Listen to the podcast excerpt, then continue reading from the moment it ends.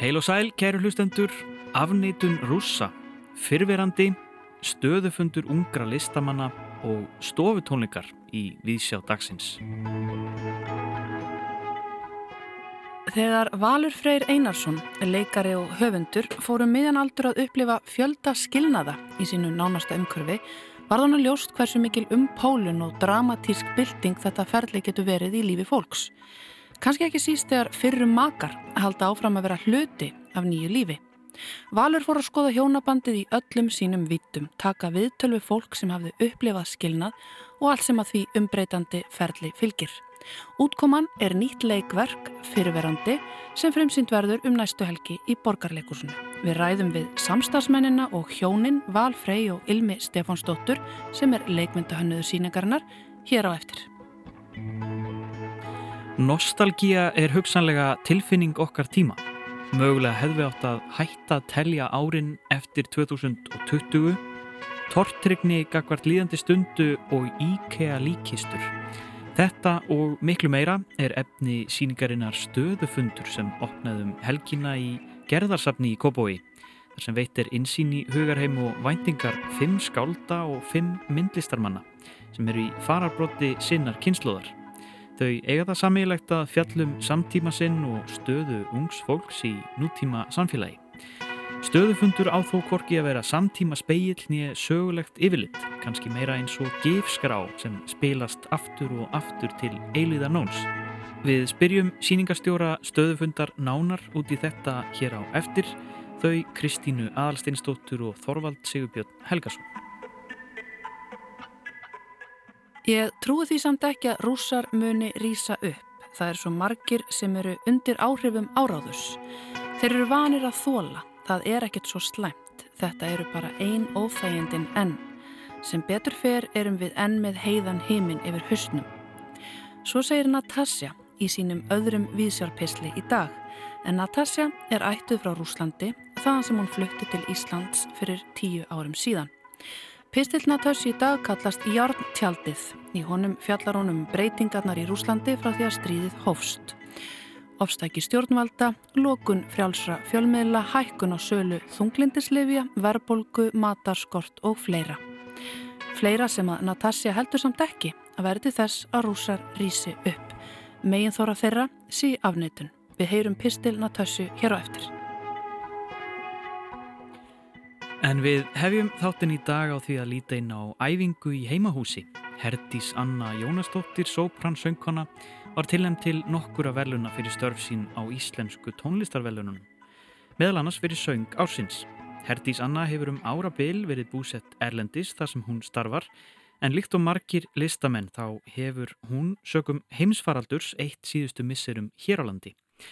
Hún heldur í tónleikaferðalag í dag á sínar heimaslóðir til Ísafjörðar og í Mývarsveit á samt píjánuleikarunum Simeon Skíkin og klarinettuleikarunum Grími Helgasinni. Við litum inn á æfingu hjá tríóinu í gær en þau halda tónleika á Ísafyrði í kvöld 8. apríl í Skjólbrekku og þann 10. í Norðurljósasal Hörpu.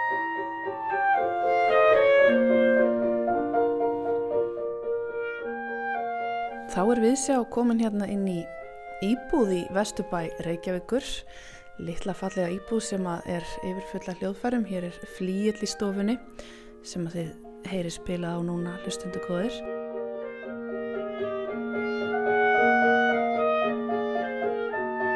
Ég mætti hérna á æfingu hjá tríói sem er á leið í tónleikaferð, litla tónleikaferð út á land. Og þetta er hún Herdís Anna Jónastóttir Sóbrann, Simjón Skíkin píjónaleikari og Grímur Helgason, klarinettuleikari sem eru hér að æfa sig fyrir þessa ferð. Þau leggja í hann á morgun en ég fekk að laumast hérna inn og heyra aðeins af verkunum sem verða flutt og já, frá þessum tónleikum. En fyrst, Herdís Anna, það langaði með óskaði til hamingju með velunin sem þú fegst um helgina. Já, þakkaði fyrir. Það var mjög, já, það var óvend gleði og heiður að fá þessi velun, bara mjög gaman. Söngur ásins, þú varst reynda tilnæmt til alveg nokkura veluna en hérna hlaust þessi. Já, já. platan mín og Bjarnar Frímans var tilnæmt líka sem var mjög skemmtilegt. Og svo þótti mér sérstaklega vænt um nokkrar aðra tilmningar sem ég átti þátt í, það var Jóla Oratorian og Reykjóldshátti þar sem ég söng á öllum tónleikum og lag sem að Haldur Smárasson samti fyrir mig og Bjarnar, húsið mitt, það var tilnænt sem tónverk ársins. Glæsilegt bara aftur til hamingju. Já, takk.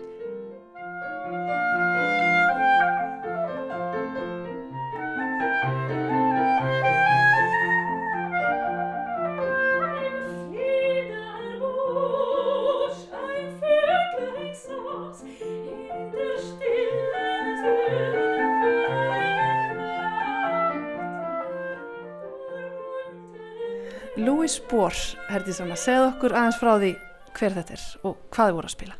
Já, þetta er Dís tónskáld, hann samti mikið fyrir klarinettu held ég. En þessi, þessi sex þýsku söngvar sem við ætlum að flytja á tólingunum eru líklega frægasta verki eftir hann, allavega mest spilað. Og þetta var lag nummið tvö í floknum sem heitir Tvígesang eða Tvísöngur. Og það er dalti sættlag þar sem að í rauninni það er fuggl að syngja í runna og það er lítil stelpa sem situr undir runnanum og syngur á mótonum og um hvað er hann að syngja? Hann er að syngja um vorið en hún er að syngja um ástina.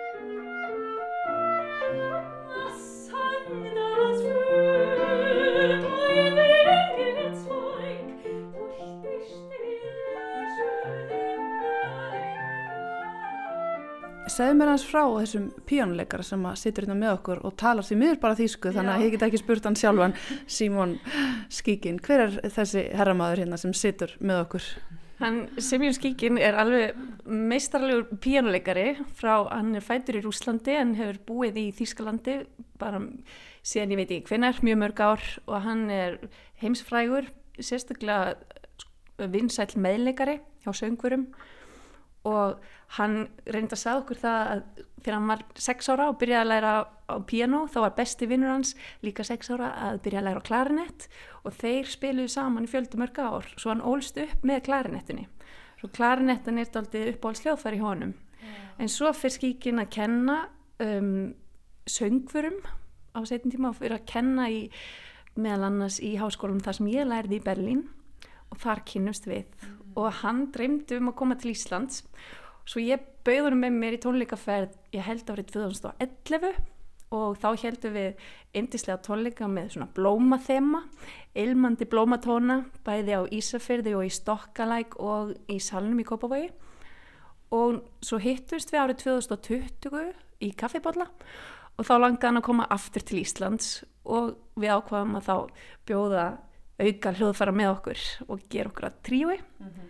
og byggum til þetta að mér finnst indislega prógram. Eftir hlér eru þessi sex ljóð eftir spór og tvö lítið lög eftir Schubert og annað vor, mikið vorverk eftir Schubert uh, það er hýrt oft um felsin en fyrir hlér þá ætlum við að flytja verk eftir Bach okkur langaði sérst, við tókum þessi klarinettu, sopran, piano verk eftir Spóra Súbert og hugsaðum okkur hvað við getum, hverju getum við bætt við. Þá fannst okkur bara borleggjandi að taka bak og, og flipa pínlítið, gera smá tilræðin og bjóða klarinettunni þar inn. Grímur stekkur sérst í hlutverk flautu og óbós um, og gera það algjörlega snildalega, finnst mér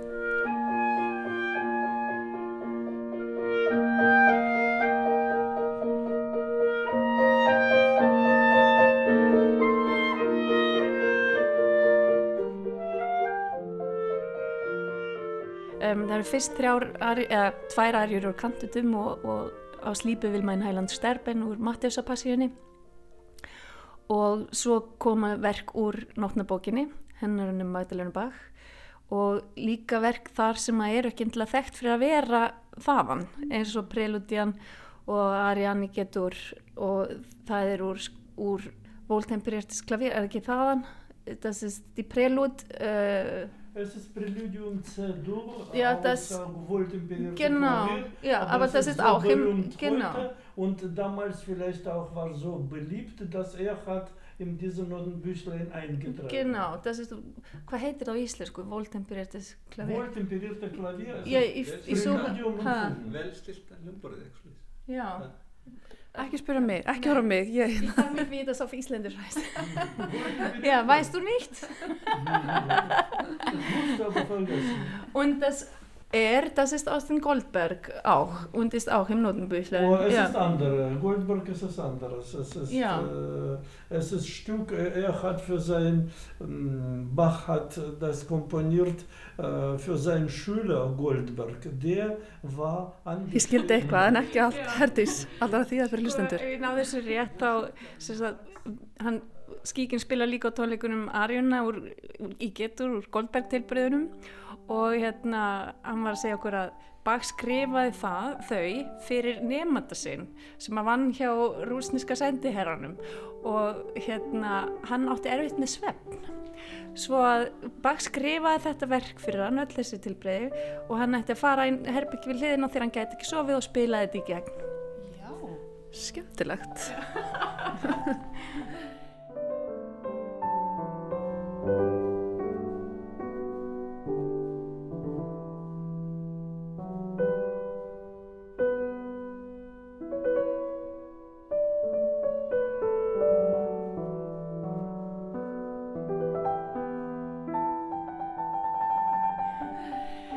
fara á þínar heimaslóðir. Já Það hlýtur að vera gaman. Ég er, mjög, ég er mjög spennt fyrir því. Það er alltaf gaman að koma eh, til Ísafjörðar og syngja. Ég elska að syngja fyrir fólk mitt þar. Og svo ætlum við að fara að norður í Mývarsveit og syngja þar. En ég er líka, ég er eiginlega ættuð þaðan. Eða meira ættuð þaðan kannski heldur en frá Ísafjörði. Þó ég sé Ísfjörðingur, ég segja oft ég er Ísfjörðingur ættuð að norðan. Þannig ég hlakka til að fara á báða staði. Segð okkur aðeins meira frá. Okkur, þú er náttúrulega, ert alin upp bara í mikill tónlistarfjölskyldu. Það vita það ekki allir hlustendur. Nei, já, ég er, fóreldrar mín eru Sigriður Ragnarsdóttir og Jónas Tómasson. Mamma var skólastjóri í tónlistaskólanum á Ísafjörði og píanokennari og pappi er tónskáld og uh, já, hvað ég fara langt? Sérst, uh, afi langafi minn, Jónas Tómasson í föðurætt, hann er úr Fnjóskadal en hann uh, giftist konu frá Ísafjörði, Önnu Ingvarsdóttur og þau stopnuðu fyrsta tónlistaskólan á, Ísaf, á Íslandi sem var lokað, ég vona ég fari rétt með 1918 eða frostaviturinn mikl, það var bara of kallt þau gátt ekki reiki tónlistaskólan svo hann var, honum var lokað. Svo síðar þá uh, langar þennan langafa minn að stopna aftur tónlistaskóla á Ísafirði og mér skilst það að verið Viktor Urbansits sem að benti honum á mann sem bjóð þá í Kanada Ragnar H. Ragnar um, hann hafði við, flúið Ísland eða farið frá Íslandi sem vesturfari 1900, kringum 1918 ég er ekki með ártölun á hreinu og búið í Ameríku í mörg ár gengið í herin í setni heimstyrjöldinni verið sendur til Íslands þar sem hann kynnist ömmu minni sem er frá Gautlöndum í Mývarsveit þau giftust um, og fluttu aftur til Bandaríkjun til Ameríku. Og þarna þegar það, þarna komið að langafi minn og Ísafjörði vil stopna tónlistaskóla þá fréttir hann í gegnum Viktor Ubracic af þessum manni í Ameríku skrifar hann og býður hann um að koma á stjórna tónlistaskóla á Ísafjörði sem að hann þykkur og amma og, og afi, Ragnar Há og Sigriður þau flytja sem sagt til Ísafjörðar og stopna þar þennan tónlistaskóla sem er enn virkur í dag. Já, Dásanlega saga. Já svona hundavaði. Það var auðvitað hægt að gera heilan þátt um þessa sögu. Við gerum það kannski bara setna. Já, endilega. Já. Já, Heyrðu, ég ætla að fá að heyra aðeins meira brot af ykkur hérna, fá að sita eins og hlusta á okkur áfram, það er ekki slemt að byrja daginn á svona stofutónleikum. Um, Örstutalókum, uh, þú ert auðvitað sjálfstætt starfandi sóbran, býrð í Þýskalandi. Já. Hvernig líf er það að vera sjálfstætt starfandi sóbran í Evrópu á þessum tímum í dag? sko ég eiginlega flúði bara meira og minna heim og ég held, ég þekki marga sem aðra sem hafa komið heim á þessum tíma um, það er allt að fara af stað hægt og rólega úti en það, ég er búin að njóta þess mjög að vera hérna heima og ég hef verið mjög heppin og er mjög þakklátt fyrir allt sem ég hef haft að gera undanfærin tvö ár hérna í Íslandi, það hefur eiginlega verið ótrúlegt en þetta verið ekkert verið auðveld og bara allt sé á uppleið núna. Já. já, Við fengum allavega að njóta góðsæðar hér á meðan, en Já. þú ert á leið aftur til munnhjarnar þar sem þú býrð ekki satt. jú, ég fyrir aftur út í apríl en ég verði á einhverju flakki. Já. Takk fyrir spjallið og Takk líka Grímur og Símón þeir sitti hérna með okkur. Takk fyrir að hérna leiða mér að tröfla æfinguna eða halda áfram þá bara. Endilega. Já, ég sitt bara hér.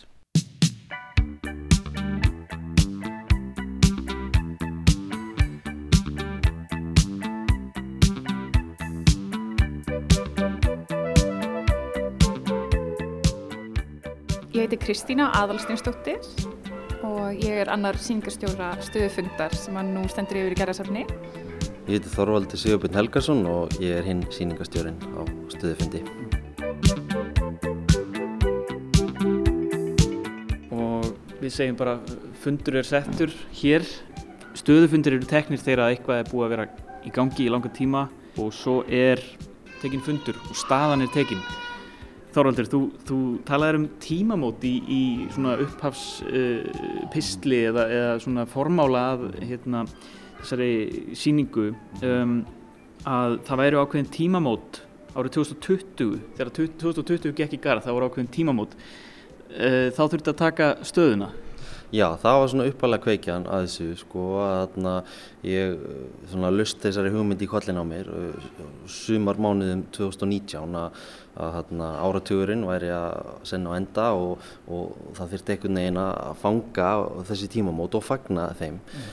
og þá kom upp þessi hugmynd að gera síningu og uppálega átt hún náttúrulega að fara fram 2020 og, þarna, og fjalla um það einhvern veginn en svo bara, svo aldeilis tók uh, svona samtíminn rækila í handbremsuna og, og hérna eins og við öll vitum, þannig að þetta frestaðist um, um eitt ár og, og svo um tvö ár.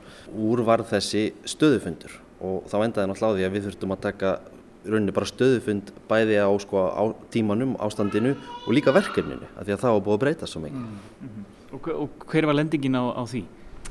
Um, lendingin er svo að, að hér er rauninni tvíþætt verkefni. Um, við erum hérna með bókverk og svo erum við með síningu. Mm. Og um, lendingin er svo að í rauninni, hún, hún, þetta er rosalega marglaga verkefni að endingu mm. og kannski að einhverju leiti um tíma en líka um bara tilfinningar og hvernig okkur líður og, og hvernig við þurfum að tengjast hvora öðru á tímum sem þessum og eins og hérna, þú kemur inn á áðan þá hérna, stöðfundir eiga sér oft stað í miðjum klíðum einhvers Já. og ég held að um, við stöndum fram fyrir því að, að sko, heimsín okkar er í rauninni algjörlega breytt frá því kannski eins og fyrir fimm árum mm. Að rosalega mörgu leiti það er alls konar hluti búin að gerast sem við saman ekki fyrir hvað sem það er náttúrulega faraldurinn en líka bara eins og Uh, við höfum alltaf sko, miða heimsín okkar út frá sko, friðartímum hér í Evrópu. Um, það, er alls, það er alls konar hluti sem hafa haft sér stað. Þannig að ég held að margt hafi breyst, ekki bara já, í konsertinu, heldur líka bara mm. allstað. Mm.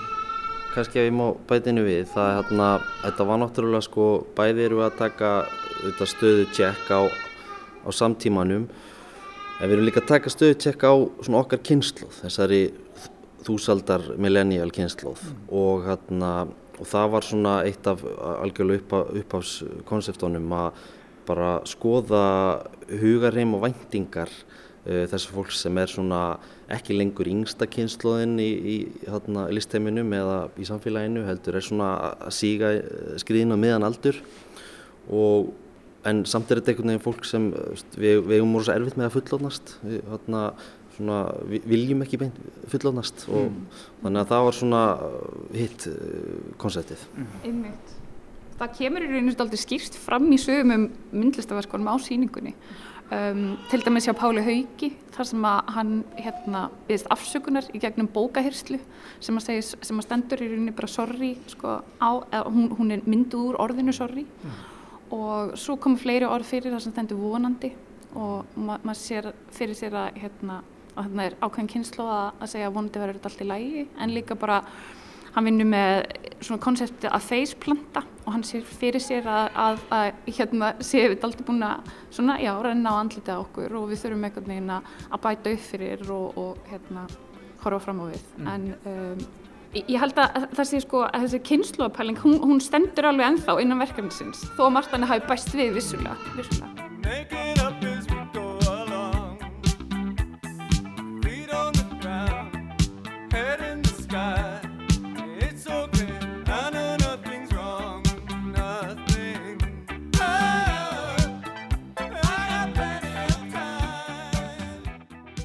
kynnslóðir kom og fara og það er ekki auðvelt alltaf að skilgrina hvað, hvað er kynnslóð um, en er, erum, við, erum við kannski ekki nú duglega að gera þetta, taka svona stöðuna og, og ná utanum einhvern samtíma og það sem er í gangi?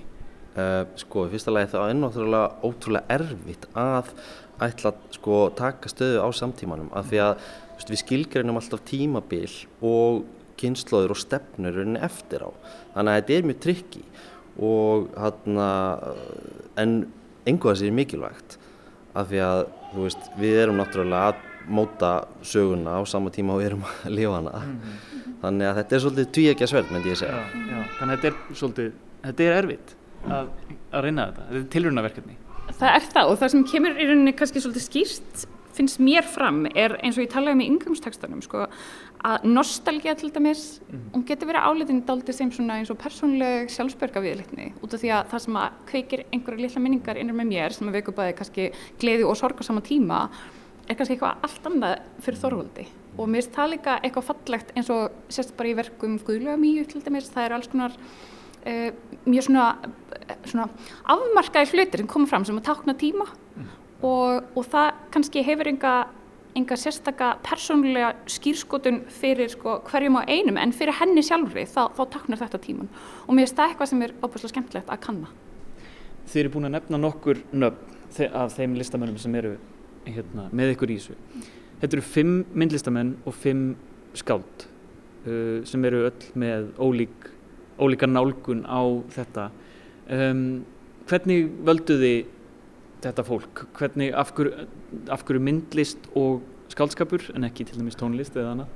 Uh, sko það var nú bara uppalega því að mér hef alltaf langað til þess að blanda saman þessum listform mm. og ég kem svona kannski svolítið úr, úr reillistabakgrunni og meðan Kristina kemur úr myndlistabakgrunni en sko mér hefur alltaf langað til þess að blanda þessum listformum saman þau eiga mjög margt sammægilegt en eru einhverja sem er mjög ólík í, í eðli sínu og hérna og svo varandi þáttakendina við bara settum sniður og, og bara byggum til lista og, og yfir fólk sem okkur fannst spennandi og, og eiga erindi við, við þessar pælingar sem við vorum með mm. og þú veist þetta er allt svona fólk sem hefur verið svolítið að pæla í samtímanum og í þessum, hana, þessum kynslu á pælingum jafnvel sem, sem við nefndum áðan þannig að uh, það var bara, já, okkur fannst þetta fólk bara eiga mjög erindi við, við, við þessa síningu. Nálganirna er líka mjög mikilvægt að þær væru mismunandi. Uh, myndlist getur verið margt, það var kannski svona minn, minn hluti verkefnisins að, að setja niður myndlistamannulista og mér finnst mjög mikilvægt að við værum að tala um mismunandi miðla, mismunandi nálganir og líka auðvitað að sko aldurspili væri breytt þó við séum að tala um eina kynsluð, mm -hmm. að það væri ákveðin vitt í aldri og náttúrulega kynjum. Sko, ef við, við getum náttúrulega, ef við viljum skoða þetta eins svona fræðilega og víðara samhengi, mm. þá er náttúrulega sko sjónræna er svolítið dominerandi í menningun okkar í dag og er svona, veist, texti var uh, náttúrulega á, á, á Íslandi í, bara allt fram á okkar 2001. öldina var texti svona okkar miðill og okkar form mm.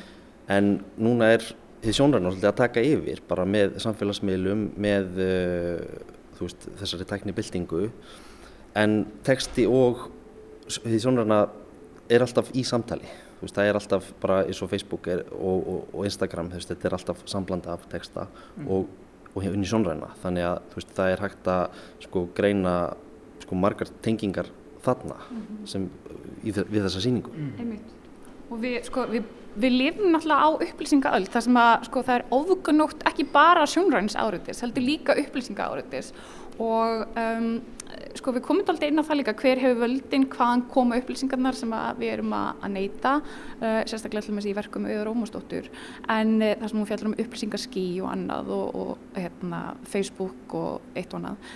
En um, ég held að það sé Já, dáliti mikilvægt líka að leifa fólki um, að taka sér tíma í egna þessa síningu. Hún tekur dáliti á manni, maður þarf að lesa sér vel í gegnum, en það er líka dáliti skemmtilegt að gera það kröfu á fólk og, og hérna, um, já, að, það, það er eitthvað sem maður þarf kannski ekki alltaf að gera. Ma, maður getur, þú veist, gengið inn í og, og nota á sínum forsendum, en þarna, hún, hún tekur svolítið til sín tímalega þessi síningu, sko. Mm, akkurat. Og það er, eins og þið segið, það er ekki bara síning hérna í gerðarsafni í Kópóinum, heldur það er líka þetta bókverk og það er ekki miklu meira heldur en bara einhver, einhver síningarskrá þetta er, þetta er, þannig eh, allra textana og, og myndir af verkonum og, veist, og þetta var hugmyndi frá upphæfi að láta svona verk fylgja með. Já, þetta var svona, hugmyndi var alltaf að þessi tveir miðlar myndu svolítið spegla hvort hvor annan. Mm.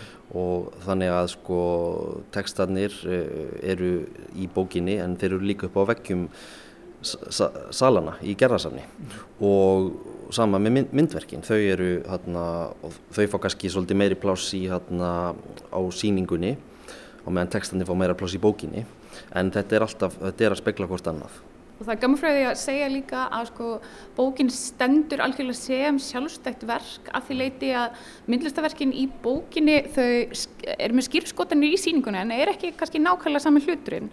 Og eins og Guðlu Mía hún hefur til og með gert einstök verk sem að hún splæsir inn í bókina eftir á. Þannig að í rauninni er þetta að mörguleiti svo kvöldu artist book eða, eða einstaklega gripur sem að kemur í númuru upplæg sem okkur þóttu líka skemmtilegt að gera.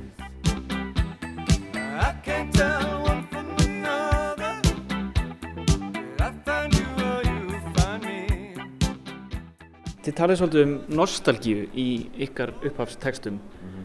Það er tilfinning okkar tíma? Uh, ég hef með hérna tilvittnun í, í mínum teksta í rítvönd sem heitir Grafton Tanner og hérna hefur skrifað bók um nostalgíu og hann kallar nostalgíu engjanandi tilfinningu okkar, rauninni bara okkar tíma og síðustu 20 ára mm -hmm. og að því við, um, við erum að sjá alltaf þessar svona bylgjur, nostalgíu bylgjur hverja á fætur annari og þetta er bæði þú veist í menningunni, í popkúlturnum en þetta er líka í pólitíkinni. Mm -hmm. og við erum að sjá þú veist og þetta tengist svo mörgu og ég, svona mín þarna kenningar svo að þetta er bara rauninni út af krísu, þetta er sko við erum alltaf í stöðu krísu ástandi búin að vera síðustu 20 ár. Hver krísan á fætur annari, það er hérna 11. september og hriðiverkóknin, það er efnahagsrunnið, COVID-faraldurinn og, og, og nú síðast stríð í Evrópu og rauninni tíminn er svo varhugaverður svo, hérna, og í stöðu, stöðuri breytingu að veist, eina svona öruga landið er fortíðin Já. og það nostálgíða snýst um það að sko, söknuð eftir heimili heimili sem sko bæði sko bókstaflu heimili og líka heimili í, í tíma mm. og að því leiti, þú veist, við sjáum þetta út um allt, við sjáum þetta bara í, í sko þáttum eins og verbúðinni og við sjáum þetta líka í sko kostningabaráttum uh, bandaríkjafórsetta, Donald Trumps og, og Joe Bidens. Mm. Þannig að sko nostalgían er allt um líkandi í okkar menningu, myndi ég segja. Hlakiði til nostalgíu framtíðarinnar. Hvað voniði að komið út úr þessu, þessum stöðufundi? Ég held og ég vona að það sem komið út úr þessu sé í raun frekari tenging, bara manna á milli mm.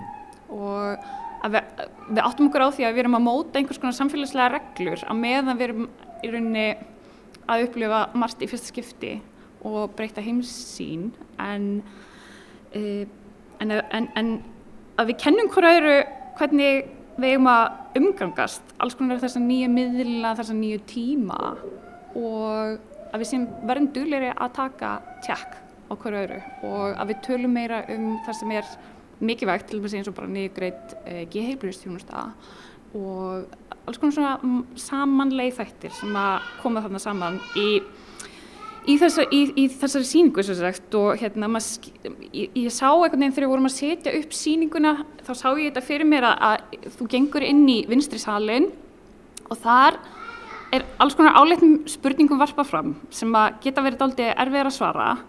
En í lokin þá líður í gegnum síninguna og þú upplifir einhvers konar heilun eins og hérna í verki Bjarkar Veikostóttur og, og ég vona að það sé í rauninni það sem við endum með er einhvers konar heilun manna á milli og, og uh, gott samtal.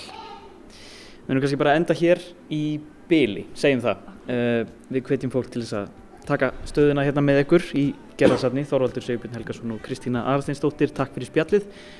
Fundi slitið. Fundi slitið.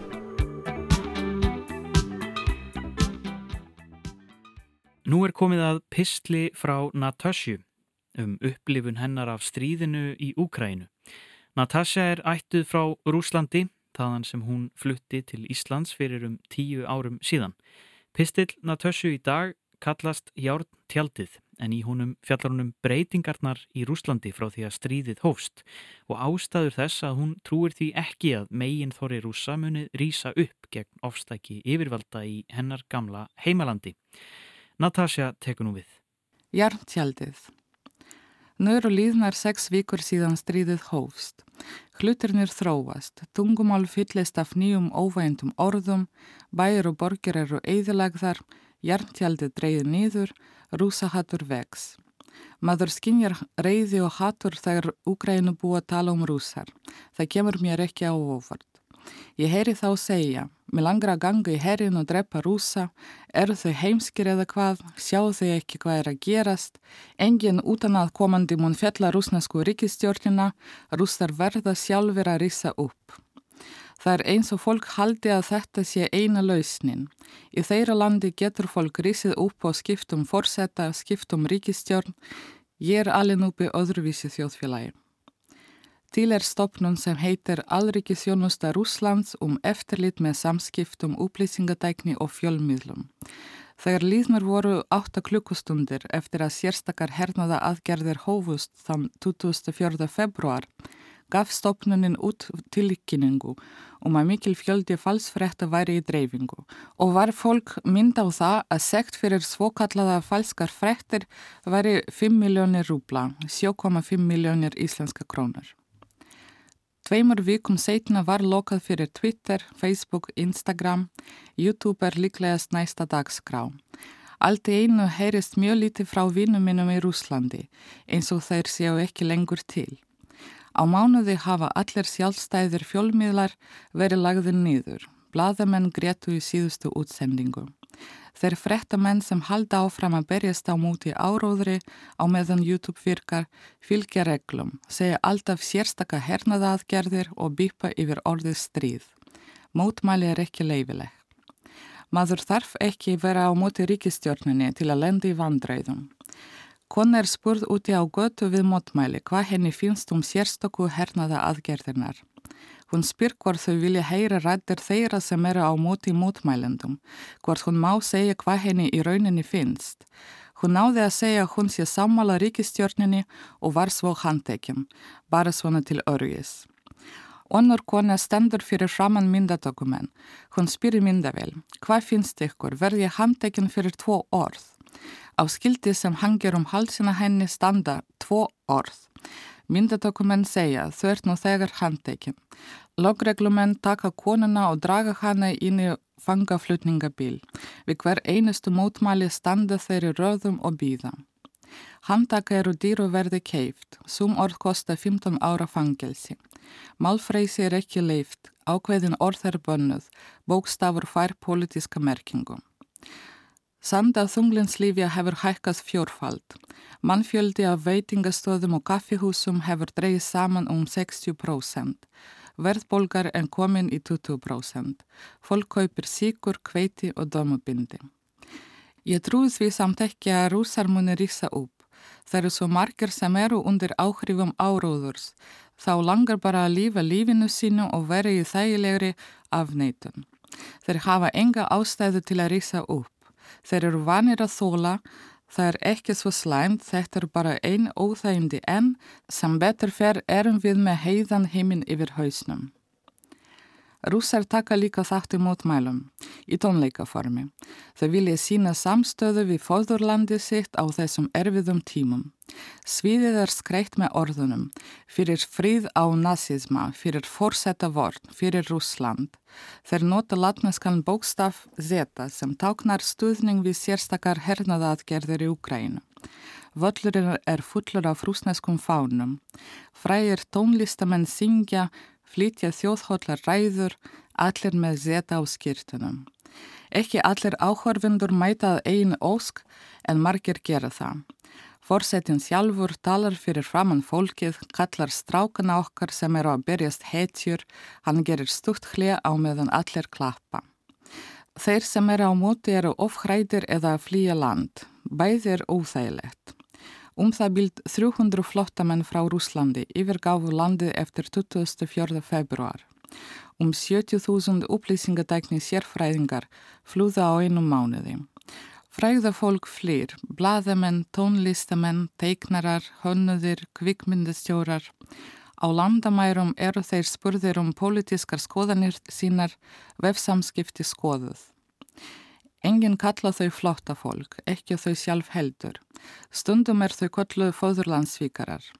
Rúsnesk vegabref er orðina rauðu flaggi. Fólk er neitað um þjónustu, börnreikinur skóla, leiðan hækar og hattur eigst. Ég veit ekki hvernig atbúrarásinn múið þróast, ég sá hana ekki fyrir. Eins og er, fer hún ekki í þá átt sem ég vonaði. Á meðan áróður blómstrar verður erfitt að ná til fólk og breyta hlutum. Eina vopnið sem við getum notað eru orð, þótt þeir reyni að taka þau frá okkur. Að lokum langar mig að lesa brotur Facebook færslu eftir rúsnesku konu, ríthöfund og bladamann. Logan komi heimsögn til mín aftur. Hún ámyndi að í mótmælunum muni þeir handtaka mikið af fólki. Eins og venjulega fara þeir milli húsa fyrir hvern mótmæli. Sem betur fer komu þeir síðdeið í þetta skipti. Einu sinni hringdu þeir dýrabjöllinni klukkan tvo um nótt.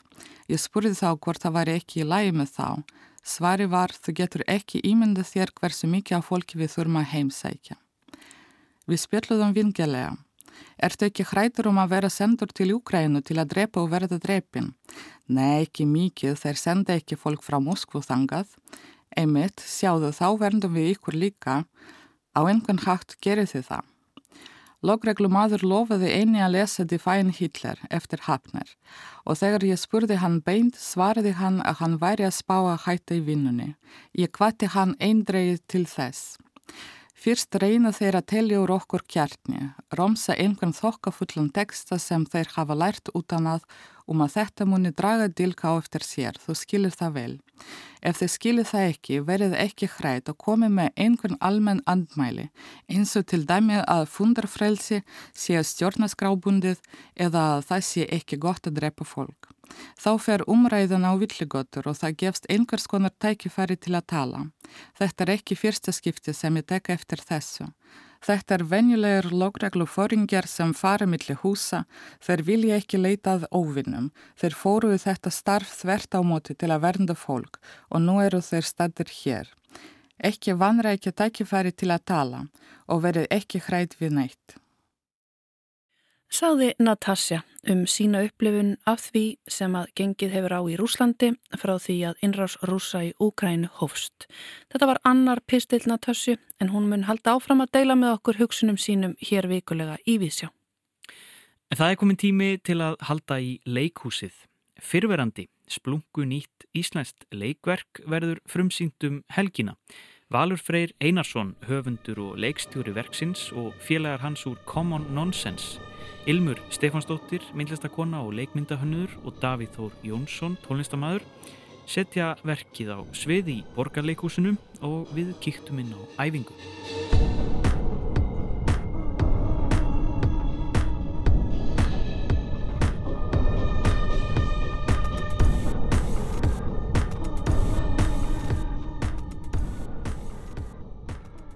Ég hef búin að stela hérna honum Valfrey og Ilmi af sviðinu, það er verið að fínisera það er fyrsta reynsli í kvöld ekki satt, Valur, það er enþá verið að leika sér með svona lokarhefingar og, og, og stöður og texta og það er allt fram á síðustu stundu kannanlega hérna bara. Hvernig, hvernig er stemningin? Stemningin er mjög skemmtileg og góð sko. en ég hef nú held ég aldrei tekið þátt í þeirri leiksýningu. Ég sérstaklega ekki á nýju íslensku verki þar sem ekki er verið að vinna bara fram á síðustu mínútu eða já, svona um það byll þó að maður svona reyni að vera klár með hlutina kannski svona uh, viku, í vikunni fyrir frumsýningu að vera með þetta nokkur neginn en svo er þetta alltaf verið, erum við alltaf að tvika til og reyna að, að, hérna, að gera betur, nuttast áfram. Fyrverandi, segðu frá. Já. Sko ég hef engan rétt á að vera að skrifa um fyrverandi af því að ég er hafði ekki samlega giftur núna til einhverja 25 ára eða eitthvað og, og, og hérna, hef enga reynsla fyrirverandi en við eigum stóran vinahóp og það hafa margir skilið þessum vinahópi. Og það kom eiginlega svona bylgja fyrir nokkur mánu síðan það sem að mjög margir voru að skilja í kringum okkur. Og, og þá auðvitað upphefst mikil umræða í hópnum, já það var nú alveg, veist, margir með skoðanur af því, kannski samband sem er búið að endast í 20-30 ár. Og uh, og kom alltaf, ég kom alltaf alveg að fjöllum, akkur hvað hva kom fyrir, akkur, en þá var það eitthvað sem allir vissu að hefði alveg verið handónitt og eða allir koma fjöllum og sagði, já, þetta er alveg ótrúlega, þetta var bara ótrúlega gott samband og enginn skilur neitt og þannig að hérna, það var svona fyrsta kveikjan af þessu hjá mér og svo reyndar verður líka er ákveðin kveikja að foreldra ilmar skilja. Og, og þau voru búin að gifti yfir 40 ár. Og þá, þá var þeir líka einhvern veginn svona svona fyrir að hrykta svolítið, það var svona fyrir óþægilega nálagt mér og fyrir að hrykta í mínum stofum og þannig að ég, ég fór svolítið að skoða hjónabandið út frá þessu og, og þetta fyrirbæri, hjónabandið sem stopnum og fór að skoða alls konar vídeo, alls konar fyrirlestra og, og hérna og svona pælingar í, í, í kringum það. Og svo fór ég í, í mjög fyndið matarbóð þar sem að ég var að leika hérna í leikursun og Ilmu fór í matarbóð og ég kom seint eftir síningu og og satt og þá voru allir bara í rosa góðri stemningu og ég settist þarna hjá fólki sem ég þekkti ekki mikið en það voru þrjú pör og þau voru öll með tiltúlega nýja maka. Og ég satt og borðaði matinn minn og hafði hljóttuð mig. Og í svona klukkutíma töluðu þau bara um fyrfirandi en þarna var að vera að fagna lífinu sko. Og þetta var vor og, veist, og, og, og allir borða góða mat og indislegt en þá áttæði mig á því hvað þetta er stórt og mikið mál. Uh, og, hvað þetta er, eh, sko fyrverandi getur tekið mikið pláss í lífunu jafnvel hvort sem þú, hérna hvort að það er meiningin eða ekki og, og hvort sem að, að skilnaðurinn er á ljúfunótonum innan gæsalappa eða mjög harkalegur eða hvað sem, hvað sem bara að þú átt, átt fjölskyldu, átt börn og, og hérna með viðkomandi þá er þetta flókið og verður alltaf flókið og ég fór að velta fyrir mig spurningum eins og bara er hægt að skilja ef maður á börn? Verður fyrirverðandi ekki alltaf í tögukerfinu uh, þú ert alltaf í samskiptum við komandi að hann lítur alltaf, hann alltaf til staðar uh, og er, er hægt að byrja aftur? Er hægt að treysta aftur ef þú hefur verið svikinn það voru svona spurningar sem að fóra, fóra að leita á mig og svo kom COVID og þá lauma ég þessari hugmynda af leikustjóranum og og slýsaðist til að segja henni, já þetta er líka leikrið svona um fyrfirandi og hún sagði, já, skrifaði það. Já. og þá fór ég svona einlega í verulega rannsóknarvinnu og fór að skoða bara mjög markvist hluti og endanum ákvæði ég að taka viðtöl við fólk og ég tók viðtöl við svona millir 20-30 manns sem eiga þessa reynslu að hafa verið í langtíma sambandi og eiga börn saman mm -hmm. og uh, þau svona undu upp á sig þessi, þessi viðtöla því að ég talaði við fólk svona sem var svona nálagt mér og ég þekkti og tristi mér og en þá koma að herðu hefur þú talað við þennan? Eða talað við þennan og talað við þennan? Því að þessi með frábæra sögur og da da da da da og þannig að ég var komin, ég var fann að ringja í ókunnult fólk út í bæði og má ég spjalla við þið um skilnaði En skemmtilegt Ilmur, það hafa sennilega verið áhugaverð samtöl við eldursporðið í þessu ferli. Já, svo sennilega við erum alltaf mjög mikið saman í, í því sem við gerum og erum auðvitað með kompani sem heitir Common Nonsense sem er búið að gera fjöldasýninga frá 2002 þannig að þetta er ein af þeirri, þeim sýningum mm. og það er bara alltaf rosa gaman sko að vera í þessu ferli og þessum meldingavegi sem það er að búa til nýtt listaverk mm. þannig að það er svona og bara, já, og kannski fyrir okkur einmitt sem erum gift og horfum á vinn okkar og, og fólki kringum okkur og, og maður svona sér hvað þetta er já, eiginlega bara svona frjálst fall verðist vera, mér finnst það er einnig merkilegt með við það að samkvæmt tölum þá er 50% hjónabanda sem enda með skilnaði. Og mér finnst það einnig merkilegt með við hvað maður sér að þetta er mikið mál og fólk er í frjálsu falli hvaða er kannski lítið talað um það. Mm -hmm mögulega því það er, ég veit það ekki eins og sé ekki sjálfsagt en margir gangi gegnum þetta mm -hmm.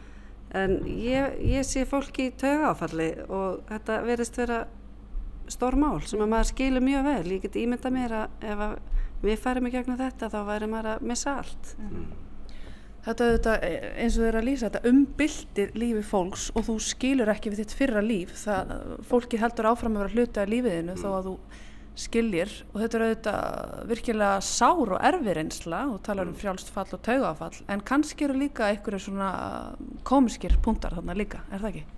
Jú, það var undir áhugavert að finna það fólk sem var komið smá fjarlægð sem ég talaði við það sá miklu meiri húmor mm. í hlutunum heldur en fólk sem var ennþá inn í kvirvilbilnum. Það er eiginlega bara drama sko mm.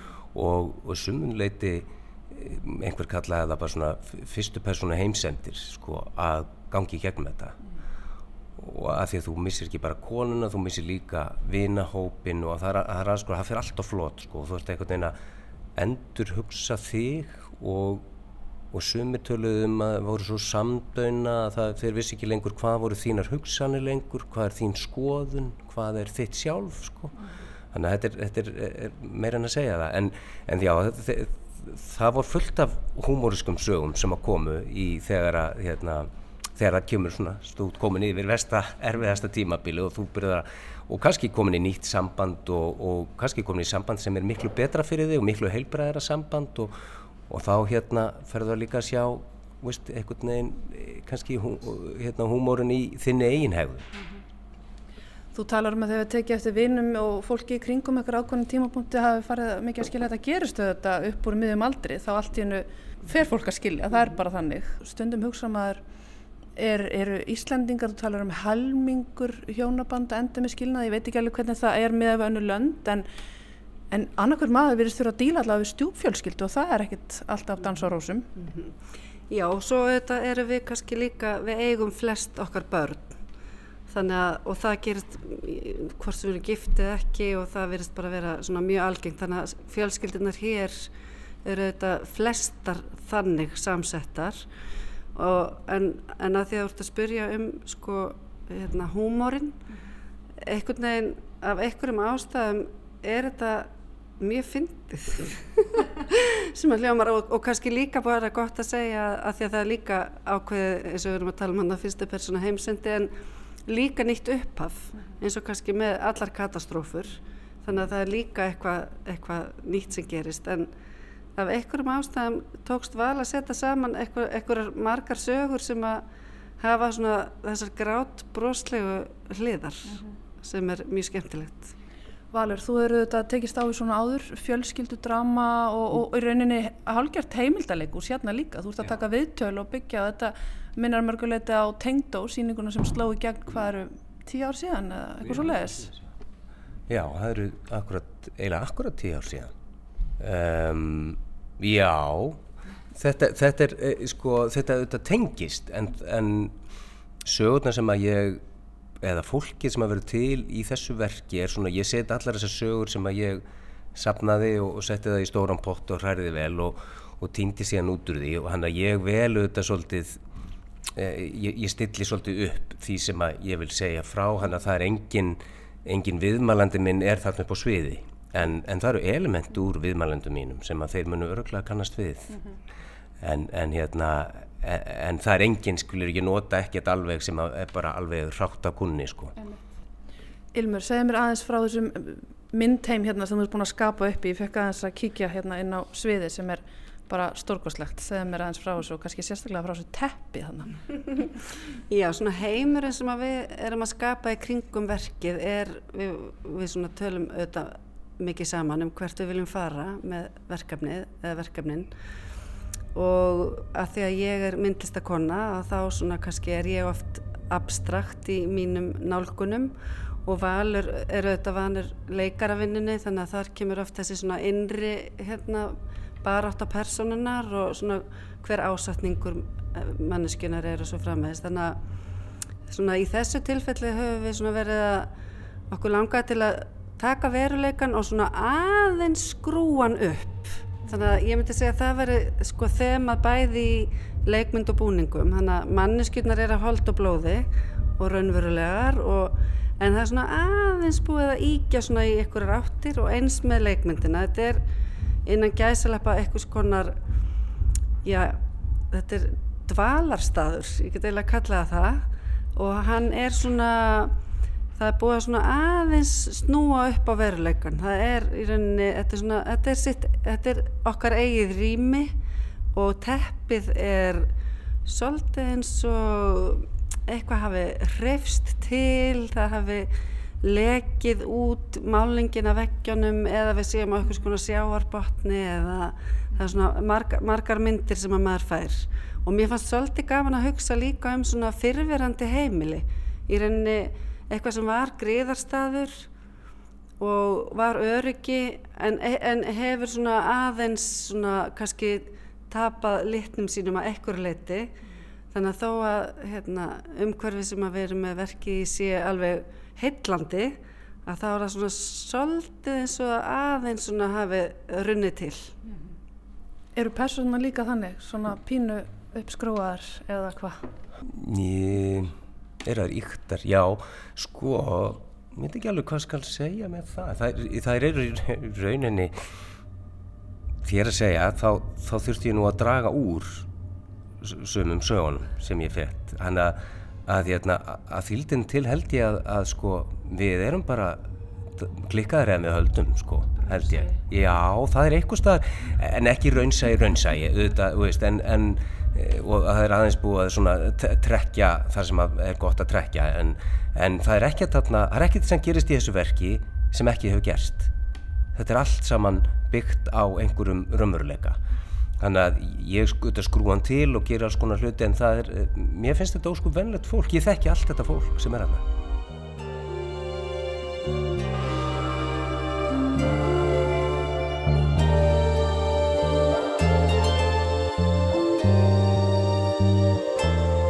hér er lokin á eftir þessu samtali við samverkamennina og hjónin Valfrey Einarsson og Ilmi Stefánsdóttur herðu við brot úr tónheimiverksin sem er í höndum þeirra Davís Þórs Jónssonar og Sölku Valsdóttur. Og svona ljúku við Vísjá þennan miðvíkudaginn. Við verðum hér aftur á sama tíma á morgun. Takk fyrir samfélgina og veriði sæl.